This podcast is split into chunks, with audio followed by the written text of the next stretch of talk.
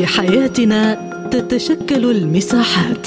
نظل داخلها على اختلاف الثقافات. ولكن في مساحتنا تتحد الغايات. لأننا نغوص في أعماق المجتمعات. فإذا كان لديك وجهة نظر حرة فاهلا بك في مساحة حرة.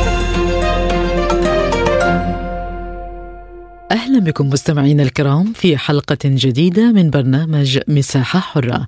معكم خلال هذه الحلقة دعاء ثابت. نناقش خلال هذه الحلقة الخطة الإيرانية بخصوص دمشق وأنقرة لانسحاب القوات التركية من سوريا.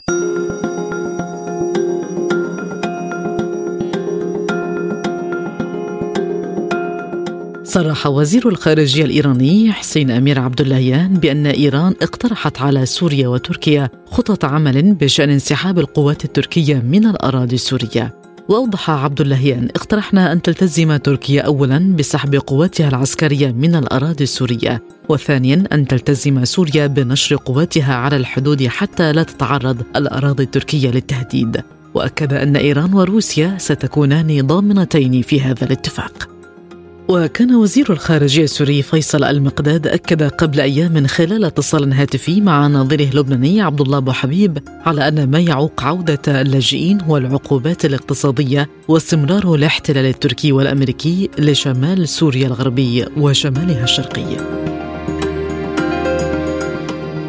لمناقشة هذا الموضوع ينضم إلينا من دمشق المحلل السياسي محمد نادر العمري بعد التحية دكتور محمد كيف تتعاطى دمشق مع الاقتراح الإيراني؟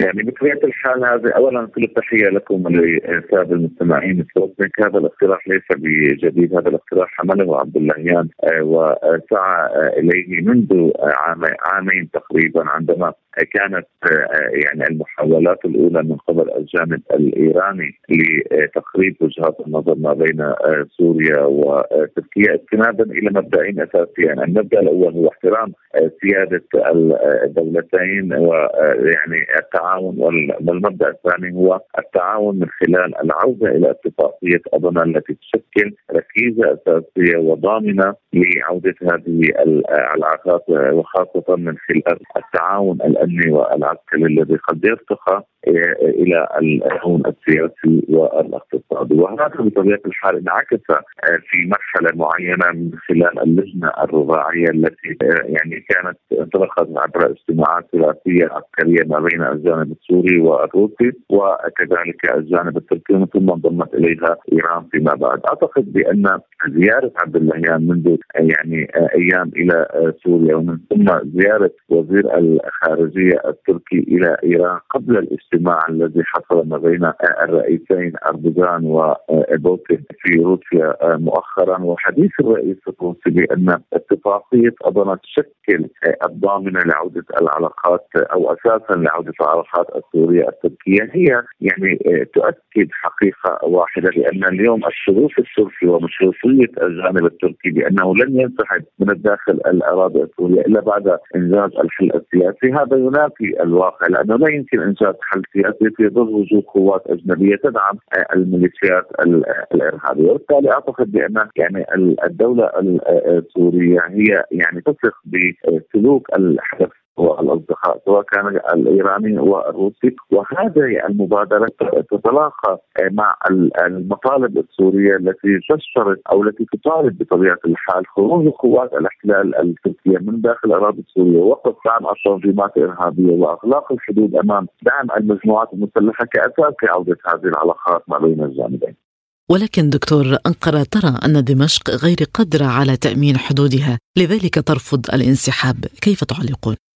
يعني هذا هذا الكلام منافي للواقع لثلاث أسباب، السبب الأول لأن النظام التركي حتى هذه اللحظة هو يدعي ما تدعي الولايات المتحدة الأمريكية وخاصة بأن هناك تغير يعني في السلوك التركي خلال الفترة الماضية وخاصة بعد نجاح أردوغان في حزب العدالة والتنميه في في الفوز بالانتخابات من ناحية، وبعد اللقاء الذي حصل ما بين أردوغان والرئيس الأمريكي بايدن أثناء قمه حلف الأطلسي التي جرت مؤخرا في إلى واعتقد بأن التركي ما زال يراوغ فيما يتعلق بالملف السوري والجيش العربي السوري استطاع تحرير معظم الأراضي السورية هو قادر على حماية هذه الحدود ولكن المشكلة الأساسية ليس كما يدعي التركي، المشكلة هي في استخدام تركيا للحدود لدعم التنظيمات الارهابيه.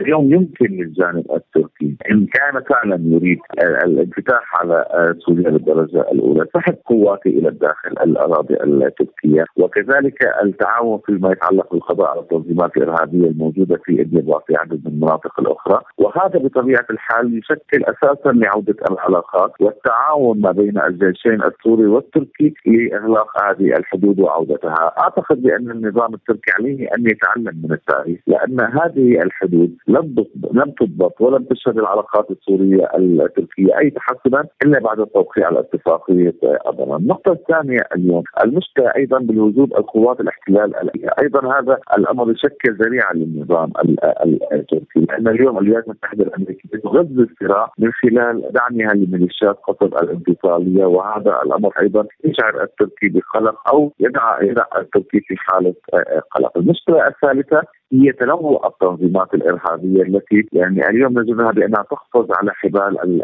المرجعيات وكذلك الدول الداعمة سواء كان النظام التركي أو كان النظام الاحتلال الأمريكي، وبالتالي أعتقد بأن اليوم يمكن للنظام التركي إن أراد فعلا عودة هذه العلاقات أن ينسحب إلى خارج الحدود السورية التركية وأن يعود إلى تفعيل اتفاقية اضمان التي تتيح التعاون المشترك ما بين الجيشين السوري والتركي. كيف يعني ضبط الحدود التي لم تضبط إلا كما قلت منذ قليل إلا بعد توقيع اتفاقيه اضرب والتزام الجانبين بها. يعني أنتم تستبعدون حدوث تقدم في العلاقات بين الجانب السوري والتركي في المستقبل القريب أليس كذلك؟ يعني نكون واقعيا أكثر من أن أكون متوقعا يعني انطلاقا من مؤشرات ويعني معطيات ميدانية عسكرية وسياسية. حتى هذه اللحظة استمرار النظام التركي في على حبال الذرائع يعني سيعيق عودة العلاقات السورية التركية وخاصة في ظل تمسك يعني دمشق باحقيتها وثوابتها وكذلك مطالبتها بانخراج هذه القوات الاحتلال التركي. لأن يعني حتى لو كان المشهد في في واقع آه، آه، منعكس لو أن كانت سوريا داخل اراضي آه، لو كان الجيش السوري داخل الأراضي التركية هل سيرضى النظام التركي بأن يكون هناك تطبيع للعلاقات في ظل وجود قوات احتلال داخل الأراضي التركية؟ هذا الامر منافي للواقع ومنافي حتى للقانون الدولي. أعتقد بأن أردوغان وحزب العدالة والتنميه يريد تحقيق أمرين أساسيين. الأمر الأول تطبيع العلاقات كأمر واقع اليوم موجود في الداخل السوري وبالتالي آه، يعني دعينا نقول عودة العلاقات في ظل وجود قوات احتلال تركيا في الداخل الاراضي السوريه هذا سيمنح النظام التركي محاولة فرض الأمر الواقع من خلال إبقاء هذه القوات. وهذا الأمر ترفضه. دمشق، النقطة الثانية هي محاولة الترويج لاردن على مستوى الأقليم مرة أخرى، لذلك أقول لك بانه مستبعد ضمن هذه المعطيات. وهل تعطل الولايات المتحدة عودة العلاقات بين سوريا وتركيا؟ يعني عندما تحدثنا منذ قليل قلت لك بشكل واضح لأن اللقاء الذي جمع أردوغان وبايدن كان واضحا بأن هناك نوعا ما في التقارب ما بين المحددات السياسة الخارجية لكلا الدولتين باتجاه سوريا آه، آه، مؤخرا وبخاصة حتى فيما يتعلق بتحرك بعض العشائر. أعتقد كان جزء منه يعني آه، بضوء أخضر أمريكي تركي في مرحلة معينة لأسباب مختلفة لكل الجانبين. أعتقد بأن الأمريكي من مصلحته أن يعطل عودة العلاقات السورية التركية لسببين، السبب الأول في حال عودة العلاقات السورية التركية هذا الأمر سيجعل منطقة الجزيرة هي الهدف الأساسي للجيش العربي السوري بعد عودة العلاقات السورية التركية، وسيبقى الاحتلال الأمريكي هو العائق الأساسي في المنطقة وهذا سيزيد الضغوط على قوات الاحتلال الأمريكية. وستزيد الضغوط أيضا على ميليشيات قطر أو الذرائع العسكرية أو الذراع العسكري التي تعتبر الولايات المتحدة الأمريكية في الجزيرة، النقطة الثانية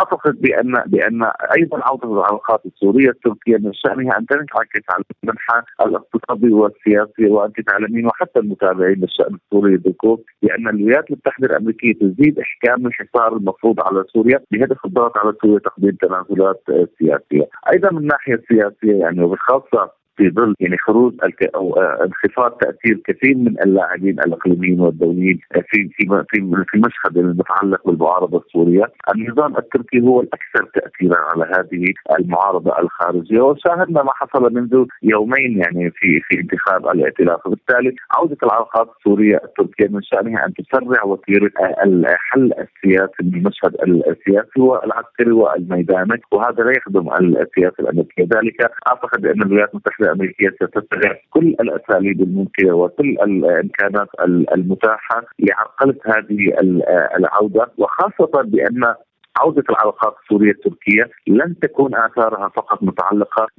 بالعلاقة بين الدولتين بل أيضا ضمن إطار الصراع النفوذ الحاصل ما بين الغرب وروسيا وهذا سيكون نقطة إضافية لصالح الجانب الروسي وأيضا لصالح الجانب الإيراني في إطار الصراع الدولي القائم ما بين الشرق والغرب. المحلل السياسي الدكتور محمد نادر العمري شكرا جزيلا على كل هذه الإيضاحات. وإلى انقره حيث ينضم إلينا المحلل السياسي دكتور طه عوده أغلب سيد طه بعد التحية. إيران اقترحت على سوريا وتركيا خطة حول انسحاب القوات التركية من الأراضي السورية. كيف تتعاطى أنقرة مع الأمر؟ وهل يمكن أن تغير أنقرة موقفها الذي أعلنت عنه مرارا؟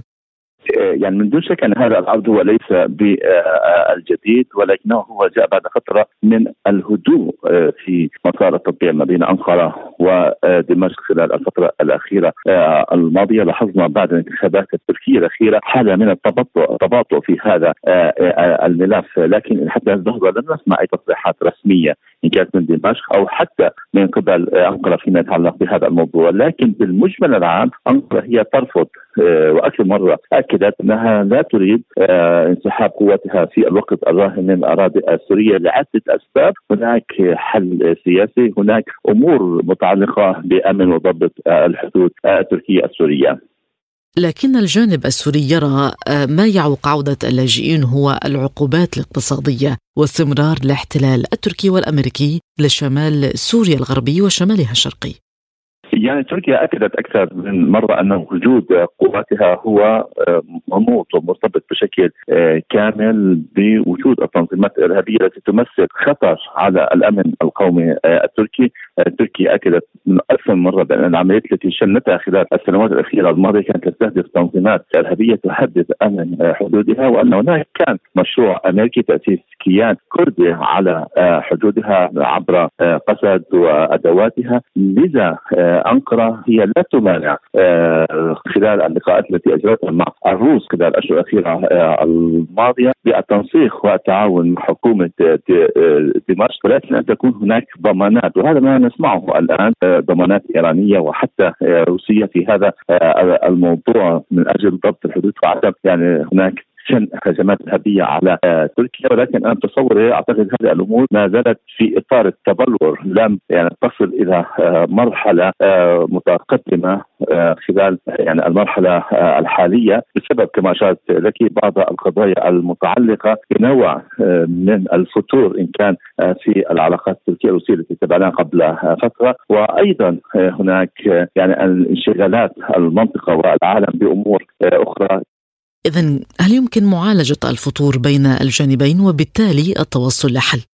يعني أنا أتصور أعتقد الأمور هي تسير ولكن تسير بخطى آه، بطيئة. آه، حاليا تابعنا قبل فترة هناك عودة آه، جديدة للعلاقة التركية الروسية بعد اللقاء الذي جمع بوتين مع أردوغان. وأعتقد هذا التطور سوف يكون له انعكاس إيجابي على مسار التطبيع ما بين أنقرة ودمشق. ممكن أن نلاحظ أن هناك تحركات آه، روسية آه، تركية خلال الفترة القادمة بسبب أيضا هناك تحركات أمريكية تحاول التصعيد في آه، المنطقة لمواجهة هذا التصعيد ممكن أن نرى جميعا بأن هذا الملف الذي تبعناه قبل أشهر في ديسمبر الماضي واستمر إلى قبل الانتخابات أخذ مسار التطبيع أن يصل إلى مرحلة متقدمة وتفاهمات ما بين الجانبين وخاصة المتعلقة بالقوات التركية وضبط الحدود وأمن الحدود ما بين الطرفين.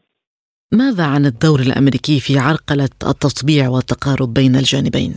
يعني هذا واضح للغاية بسبب يعني التطورات التي تتابعها آه، في آه، المنطقة وأيضا الاشتباكات التي حدثت قبل آه، فترة كانت ما بين عشائر وبين قصر التي اشارت لك قبل قليل. هناك ممكن أن نسميه عملية خلط للاوراق الجميع يتابع بشكل كبير هذا الوضع وهذا الملف إذا أنا أتصور أعتقد المرحلة القادمة ممكن أن نكون على أبواب أو على اعتاب مرحلة جديدة متعلقة بهذا آه، الملف. المحلل السياسي دكتور طه عوده اوغلو شكرا جزيلا على هذه الإيضاحات. ومن القاهرة ينضم إلينا خبير الشؤون الإقليمية الأستاذ هاني الجمل. أستاذ هاني بعد التحية اقتراح ليس بجديد من جانب إيران، ما الذي تغير ومدى التعاطي من الجانبين مع الخطة الإيرانية؟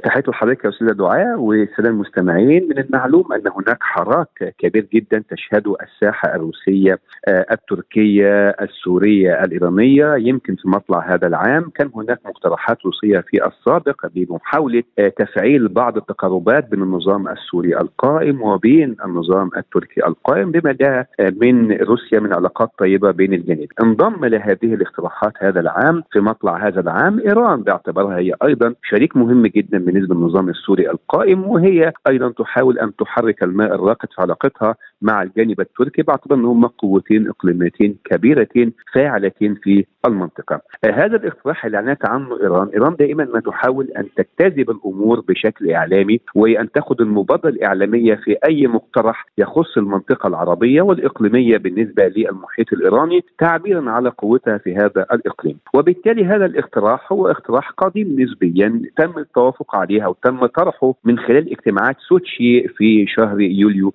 الماضي بين الأطراف الأربعة من خلال تمثيل نواب وزراء الخارجية للدول الأربعة روسيا وسوريا وتركيا وإيران ولكن خرج اجتماع سوتشي بعدم وجود آلية لتفعيل هذا المقترح. لماذا لم يتم تفعيل آلية لهذا المقترح؟ لأن الثوابت الخاصة بكل دولة من تركيا وسوريا لها ثوابت لن يتزعزع أو لن يتحرك كل منها. تركيا تربط آه، خروجها من الحدود السورية بأن يكون هناك جيش سوري قوي قادر على حماية الحدود السورية وبالتالي ينعكس هذا الأمن على الحدود التركية بهذا الشأن. وطبعا تركيا تقلل من قدرة الجيش السوري في الوقت الراهن أن يقوم بهذه المهمة خاصة أن الحدود السورية التركية ليس فقط فيها مجموعة من الأقراض ولكن أيضا فيها مجموعة كبيرة جدا من الجماعات الراديكالية المتشددة التي للأسف أصبحت لها وجود ديموغرافي في هذه المنطقة. وأعتقد أن معسكر الهول هو شاهد على هذا الطبيعة الجديدة في هذه الحدود. أيضا آه، الجيش السوري عنده نوع من أنواع إعادة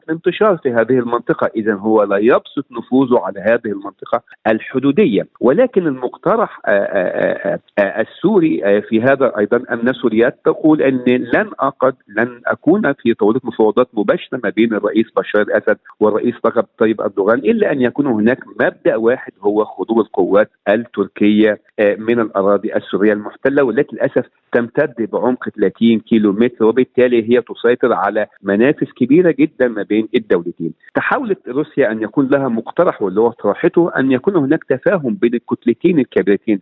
سوريا وتركيا طبقا لاتفاقية ادنا اللي تم التوقيع عليها سنة 1998 واللي كانت بتسمح بالاتفاق بين الطرفين ملاحقة الجماعات الإرهابية على الحدود المشتركه بعمق 5 كيلو فقط وليس 30 كيلو كما تسيطر عليه الآن تركيا وبالتالي هذه الإشكالية التي تجعل من التنفيذ الواقعي لهذا الاتفاق مشموله بالوقوف وعدم النفاذ ولماذا ترفض تركيا العودة لاتفاقية اضنا؟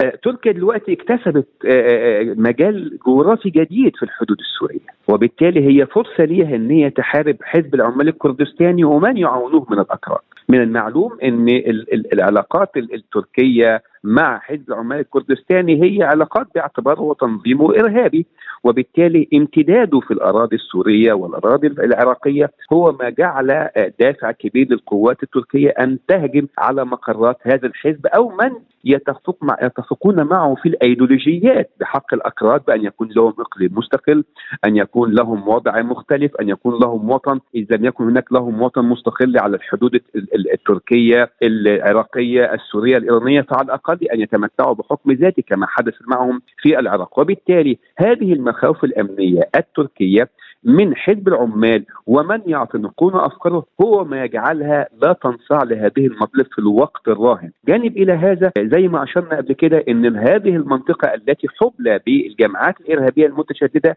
التي ليس فقط تحركها تركيا ولكن أيضا تحركها أمريكا، وبالتالي ليست هناك سيطرة على هذه الجماعات والنفوذ منها ومحاولة تحجيم دورها في هذه الحدود الملتهبة بين الدولتين، هذا هو الرفض التركي من وجهة نظر من وجهة النظر التركية، فضلا عن وجودها في مساحات شاسعة حتى الآن. تسيطر عليها في الداخل السوري وبالتالي هي بتحاول انها تحافظ على العمق الاستراتيجي والأمني لها داخل هذه الحدود التماس المنتشرة.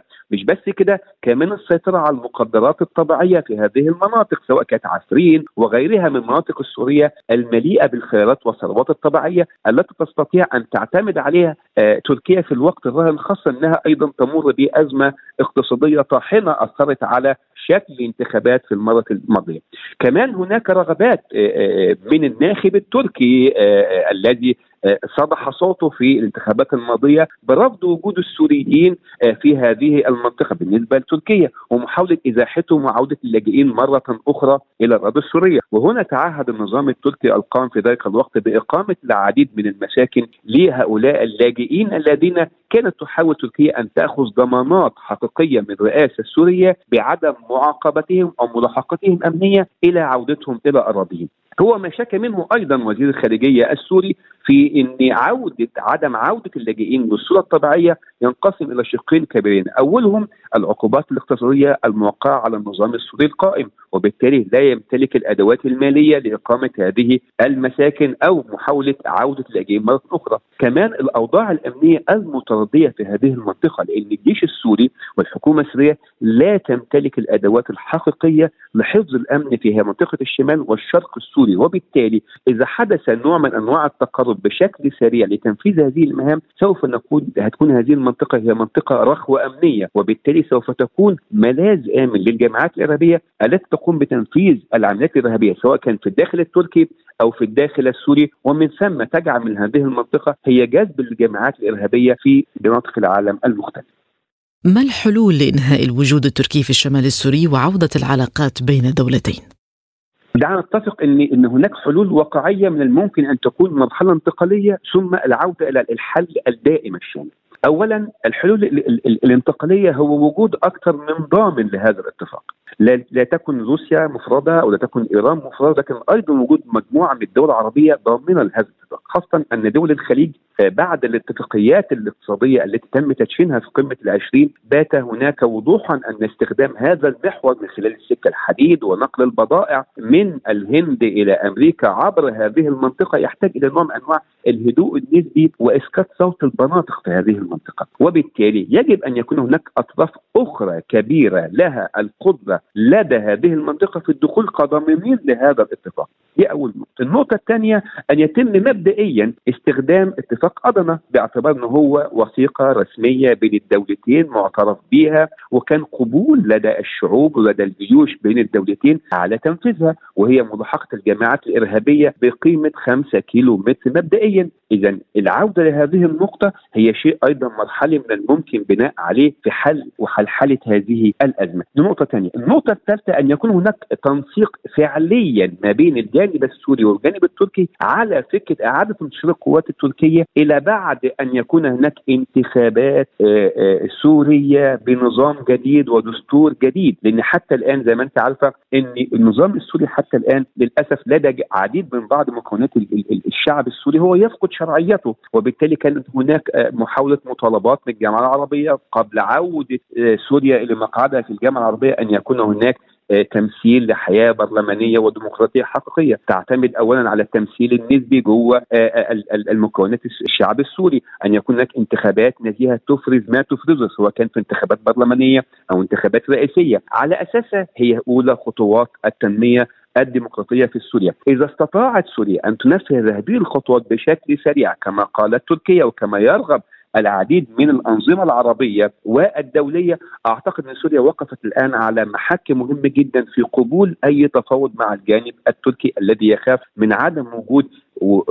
أسس للدولة السورية على هذه المنطقة الرخوة امنيه، إذا حدث هذا في الداخل السوري وإذا حدث هذا من ضمانات عربية أعتقد من السهولة بمكان الضغط على الجماعات الإرهابية في هذه المنطقة إما بمحاربتها بالتنسيق الأمني بين هذه القوى الفاعلة أو إما بتخريجها كما حدث قبل ذلك في أفغانستان من تفويج هذه الجماعات الإرهابية إلى سوريا وإلى ليبيا وبالتالي بضغط هذه القوى الدول التي لها ضمانات في الاتفاق المقترح في رأيي من أعتقد إنها ممكن يتم تفويج هذه الجماعات من هذه المنطقة الرخوة أمنية ومحافظه تصفيتها وترتيب الأوضاع لمدة انتقالية، إذا وصلنا لهذه المدة الانتقالية بتنفيذ هذه الخطوات الإيجابية أعتقد مش من السهولة قوي لكن على الأقل هيبقى هناك ضغط كبير جدا من المنطقة العربية والإقليمية على آه، تركيا في إعادة انتشار قواتها العسكرية إلى الحدود الطبيعية وتفعيل اتفاق أدنى بمحاربة الإرهابيين على مسافة 5 كيلو فقط وليس كما تسيطر الآن على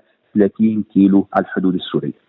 وما هي الدول التي قد تكون ضاغطة وضامنة بالإضافة لإيران وروسيا؟ ومعروف أن الولايات المتحدة تحتل الشمال السوري وتعرقل أي خطط لحدوث التقارب. دي حقيقة. للأسف الفائز الوحيد في هذه المنطقة وهذه النقطة وهذه الإشكالية في هذه القضية هو أمريكا. أولا أن آه، آه، خطأ الذي قامت به الإدارة الأمريكية سابقا بالانسحاب من منطقة شرق الفرات كلفها التواجد الروسي الكبير والضخم في هذه المنطقة. إذا أمريكا بنفسها بسياستها الخاطئة في هذه المنطقة بما حدث معها في العراق وأفغانستان آه، آه، فقدت العديد من السيطرة والتواجد اللوجستي في هذه المنطقة. وبالتالي تحاول أمريكا أن تعيد القاره وأن يكون أن يكون لها تواجد في هذه المنطقة. إن لم يكن بوجود قوات أمريكية خالصة فعلى الأقل أن يكون لها أذرع أخرى تحاول أن تنفذ سياستها في هذه المنطقة. هذه الأذرع للأسف لن تكون النظام السوري القائم بما إنه هو على آه، المحك معها ولن يكون النظام النظام التركي القائم لأن النظام التركي أيضا آه، إذا كان هناك علاقات طيبة مع أمريكا لبعض الحدود الا أن حدوده الملتهبه تؤثر بشكل سلبي عليه. وأيضا أن يكون مع النظام السوري ولا النظام الروسي ولا النظام الإيراني. يتبقى أن يكون هناك الجماعات الإرهابية التي تم توطينها في هذه المنطقة التي يستطيع النظام الأمريكي أن يحركها كما شاء بالتمويل المادي بالتمويل اللوجستي بالخطط التي يتم آه، آه، تسريبها عن طريق الاقمار الصناعيه اختيار الأماكن الضعيفة امنيا والتوغل فيها محاولة اللعب على فكرة أن يكون هناك آه، اختلافات عقائدية ودينية وقومية. هذا ما تلعب عليه أمريكا في هذه المنطقة. اذا العدو الأول في هذا الاتفاق هو الإدارة الأمريكية، فوجب على الدول الفاعلة في هذه المنطقة مع الضمانات التي اقترحنا أن تكون بجانبها أن تكون ترى هذا الهدف من أجل أن يكون هناك تقديم مصالح للشعب السوري اولا وللحدود المنتهكة للأسف امنيا، وهو عمق استراتيجي للعديد من الدول العربية، سوريا هي عمق استراتيجي بالنسبة لمصر، سوريا هي عمق استراتيجي بالنسبة للأردن، سوريا هي عمق استراتيجي أيضا للمملكة العربية السعودية التي ترى في النهضه الاقتصاديه في الوقت الراهن ووجودها في ممر التنمية الحديثة الذي اقترحته الهند عبر الحدود آه، آسيا ومن ثم إلى أوروبا ومن ثم إلى أمريكا هي أيضا محطة مهمة يجب أن يتم تفعيلها، أصبحنا هناك المصالح الاقتصادية هي التي تقود المصالح السياسية، لكن يجب أن هناك تكون خطة متماثلة تعمل على التوازن الحقوقي لكل الدول بنسب معينة، إذا تم إخماد صوت البنادق في هذه المنطقة أعتقد أنها سوف تكون منطقة مهمة جدا لوجستيا للتنمية الاقتصادية للدول الكبرى والإقليمية التي تسعى أن يكون الملف الاقتصادي هو القائم بها لأن ما حدث في الحرب الروسية الأوكرانية وما قبل ما حدث من جائحة كورونا أثبتت بما لا للشك أن الملف الاقتصادي هو الأهم هو الركيزة لكل دولة صغيرة أو متوسطة أو كبيرة في قيادة الأمور وألا تنقاد بسبب هذا الملف. خبير الشؤون الإقليمية الأستاذ هاني الجمل شكرا جزيلا على كل هذه الإيضاحات. الشكر موصول لكم مستمعينا الكرام بإمكانكم الاطلاع على المزيد عبر موقعنا سبوتنيك dot ae.